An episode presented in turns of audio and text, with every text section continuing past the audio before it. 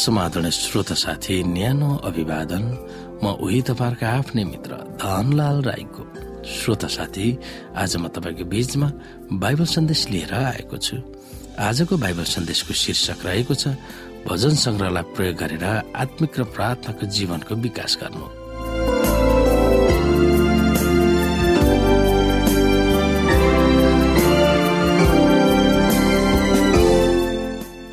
श्रोत साथी विश्वासीको उपासनाको अनुभवमा भजन संग्रहको स्थान कस्तो छ? हामी हेर्न सक्छौ यहाँ। परमप्रभुलाई धन्यवाद देऊ। उहाँको नाउँ उपासना गर। सबै जाति जाति मानिसहरूलाई ती अचम्म लाग्दा कुराहरूको बारेमा भनौँ। जुन उहाँले गर्नुहुन्छ परमप्रभु प्रति भजन गाऊ उहाँको प्रशंसा गर। उहाँले गर्नुभएको अलौकिक कुराहरूको बारेमा बताऊ जो उहाँले गर्नुहुन्छ परमप्रभुको पवित्र नाउँमा गौरव गर। तिमीहरू परमप्रभुलाई खोज्दै खोज्दै आइपुग्यौ। त्यसैले अब खुसी हो। बल पाउनलाई परमप्रभु कहाँ जाऊ सहायताको लागि सधैँ उहाँकोमा याद गरे ती अचम्मका कुराहरू जुन उहाँले गर्नुहुन्छ। याद गर उहाँका आश्चर्यका कामहरू साथै उहाँका बुद्धिमानी निर्णयहरू। ख्रिसको सन्देश तिमीहरूसित समृद्ध भावमा होस्।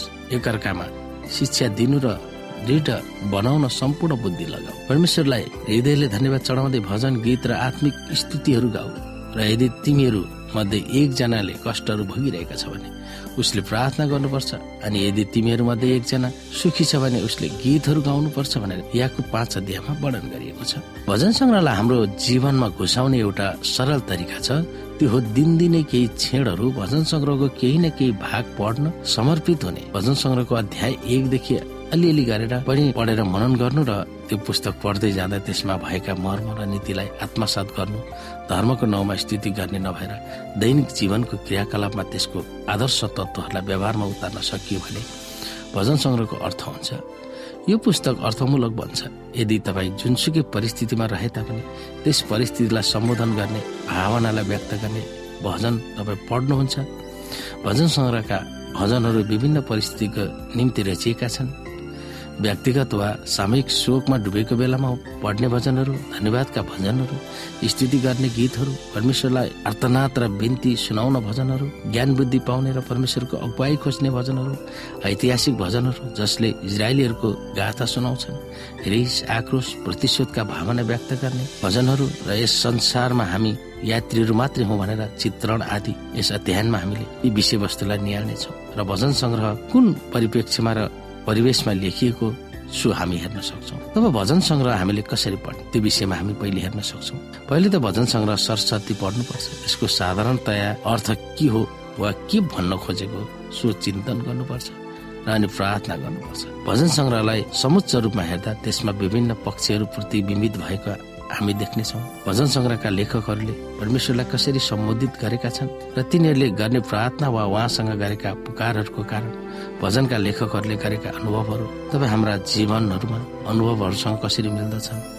र तपाईँका आफ्ना मर्महरू व्यक्त गर्न भजनले कसरी सहयोग गर्दछ त्यो सोच्न हामी सक्छौँ। तब हाम्रो जीवनको अनुभवलाई ती भजनहरूले प्रतिध्वनि गरेको हामी पाउँछौँ। र हामीलाई ती प्रतिध्वनि गरेको देख्दा हामीले अचम्म मान्नु पर्ने कुरा छैन। र भजनका लेखकहरू पनि तपाईँ हाम्रै जस्तै अनुभव गरेको रहेछ भनेर हामीले थाहा पाउन सक्नेछौँ यदि पढ्ने क्रममा तपाईँले केही चुनौतीहरूलाई सोच्नु परे हामी सोच्न सक्छौँ। नसक्छ तपाईँ अहिले कुनै झुटो आश्वासन र आशाको भुमरीमा परिरहनु भएको छ र त्यसलाई सच्याउन भजनले भूमिका खेल्न चाहन्छ भने खेल्न हामी दिन सक्छौँ। भजनमा लेखिएको सन्देश र श्रीकृष्णको व्यक्तित्वसँग तुलना गरेर ध्यान दिन सक्छौँ। उहाँले हामीलाई कालान्तरमा दिनुहुने मुक्ति वा अनन्त जीवनको निम्ति गर्नुभएको कामलाई भजनमा निहालेर हेर्न सक्छौँ। हामी सबैले यो थाहा पाउनुपर्छ कि बाइबलले प्रत्येक विषय वस्तु यसो ख्रिस्ट र उहाँको क्रुसको सन्दर्भमा हेर्नु पर्दछ।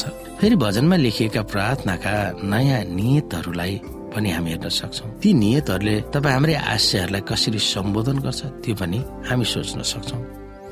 तपाईँको व्यक्तिगत जीवनमा तपाईँको चर्च वा संसारको निम्ति भजनको पुस्तकमा व्यक्त गरेका भावना र निर्देशनहरू कतिको महत्वपूर्ण छ सो पनि हामी सोच्न सक्छौँ। भजनमा व्यक्त गरेका व्यावहारिक शब्दहरू तपाईँको हृदय र दिमागमा राखुन् भनेर परमेश्वरसँग प्रार्थना गर्नुहोस्। यदि तपाईँको परिचित मानिसको परिस्थितिसँग भजनमा व्यक्त गरेको भावनासँग मिल्छ भने उसको निम्ति प्रार्थना गर्नुहोस्। हामीले यो भन्न खोजेका छौँ कि भजनहरूमा जीवनका विभिन्न पक्षहरूलाई सम्बोधन गरिएको छ। हाम्रा बहुआयामिक जीवन समेटिएको भजन पढेर हामी आत्मिक रूपमा सम्पन्न हुन सक्दछौ। ती भजनहरूले तपाईँ हाम्रोलाई के भनिरहेको छ? त्यसलाई हृदयमा सोच्न परमेश्वरसँग प्रार्थना गर्नुपर्छ। प्रचुर मात्रामा ख्रिसको वचन हाम्रो हृदयमा गाभियोस्। हामी हेर्न सक्छौ कलसी तीन अध्यायको स्वरमा प्रचुर मात्रामा ख्रिसको वचन तिम्रो हृदयमा गाभियोस्। यो भनेर पावरले सम्बोधन गरेको अर्थ के हो? हामी सोच्न सक्छौ। जब हामी बाइबल पढ्छौँ तब हाम्रो पहिलो र अन्तिम निर्णायक लक्ष्य त्यो हुनुपर्छ। हामीले कसरी आत्मसात गर्ने? त्यो विषयमा हामी सोच्न सक्दछौँ।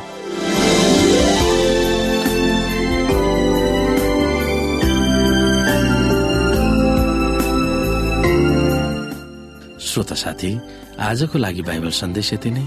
हस्त नमस्ते जय मसिंह।